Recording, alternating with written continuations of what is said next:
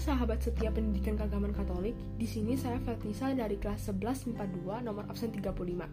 Seperti yang sahabat-sahabat tahu, dalam beberapa hari ini kita akan merayakan suatu peristiwa keemasan dan mengandung perjuangan bangsa bangsa Indonesia terdahulu untuk mewujudkannya, yaitu kemerdekaan. Menurut kalian, sebagai bangsa Indonesia yang hidup dan tidak pernah merasakan penjajahan bangsa lain, apa sih itu kemerdekaan? Makna kemerdekaan yang sering kita ketahui sendiri adalah kebebasan Indonesia atas bangsa lain yang diperjuangkan oleh pahlawan-pahlawan hebat dari Indonesia. Ya, itu benar. Namun kita di sini sedang ingin membahas apa makna dari kemerdekaan Indonesia kepada kita, terutama dalam masa pandemi ini. Sebelum sahabat menjawab, persilahkan saya dahulu yang akan menjawab makna kemerdekaan tersebut menurut pendapat dan refleksi saya pribadi sehari-hari. Menurut saya, kemerdekaan Indonesia adalah sebuah tonggak adanya kebebasan manusia di atas suatu hal. Dalam artian, tindakan kita itu tidak akan dipengaruhi oleh pihak-pihak luar yang berusaha mengengkang atau menutup kebebasan yang kita miliki. Kebebasan yang kita dapatkan dari kemerdekaan ini um, memiliki banyak perubahan dari dulu sampai sekarang. Uh, contohnya seperti kebebasan untuk sekolah, berpendapat, menempuh ilmu yang tinggi, pengembangan inovasi, dan masih banyak hal-hal lainnya lagi, terutama pada kaum perempuan. Namun kebebasan kebebasan itu tentu saja memiliki sisi yang negatif ya, dan oleh sebab itu memerlukan undang-undang dan norma yang berlaku untuk membatasi perilaku yang buruk dalam kebebasan.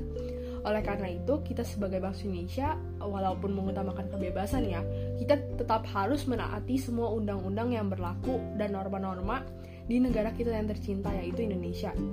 Akan tetapi mungkin sahabat bertanya-tanya nih, apakah pada pandemik ini kita dapat mengalami kemerdekaan? Apakah kita bisa berkontribusi dan bagaimana kita dapat berkontribusi dalam kemerdekaan sementara kita tidak bebas untuk pergi keluar rumah? Nah, sahabat, yang perlu kita ketahui sendiri, kebebasan itu bersifat netral. Jadi dia bisa bersifat buruk dan bersifat baik.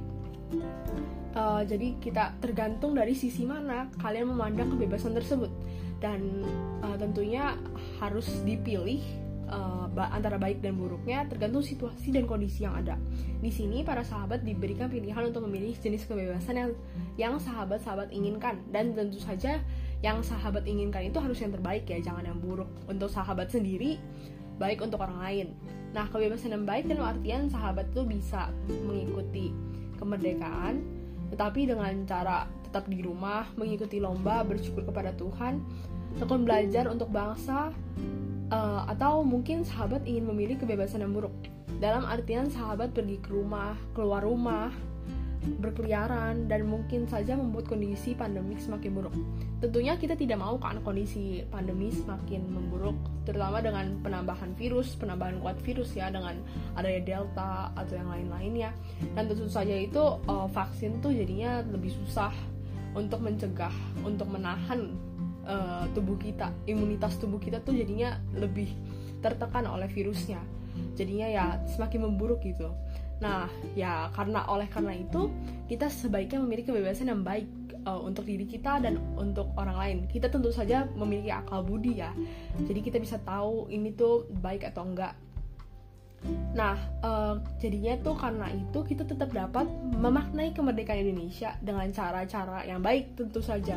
Dengan cara menjaga kesehatan di rumah, tidak berkeliaran, dan berkontribusi dengan lomba-lomba 17 Agustusan baik internal maupun eksternal internal itu di sekolah ya eksternal itu bisa ikut dari lewat dari IG ikut lomba-lomba apa aja kayak intinya ikut-ikut lomba yang bisa meramaikan suasana 17 Agustusan walaupun anda tetap di rumah uh, dan online menghadap komputer dan anda juga bisa sahabat mulai bisa membentuk pribadi-pribadi yang lebih baik dari sebelumnya seperti dari tutur kata, sopan santun, perbuatan, kerajinan, keteguhan dan lain-lain.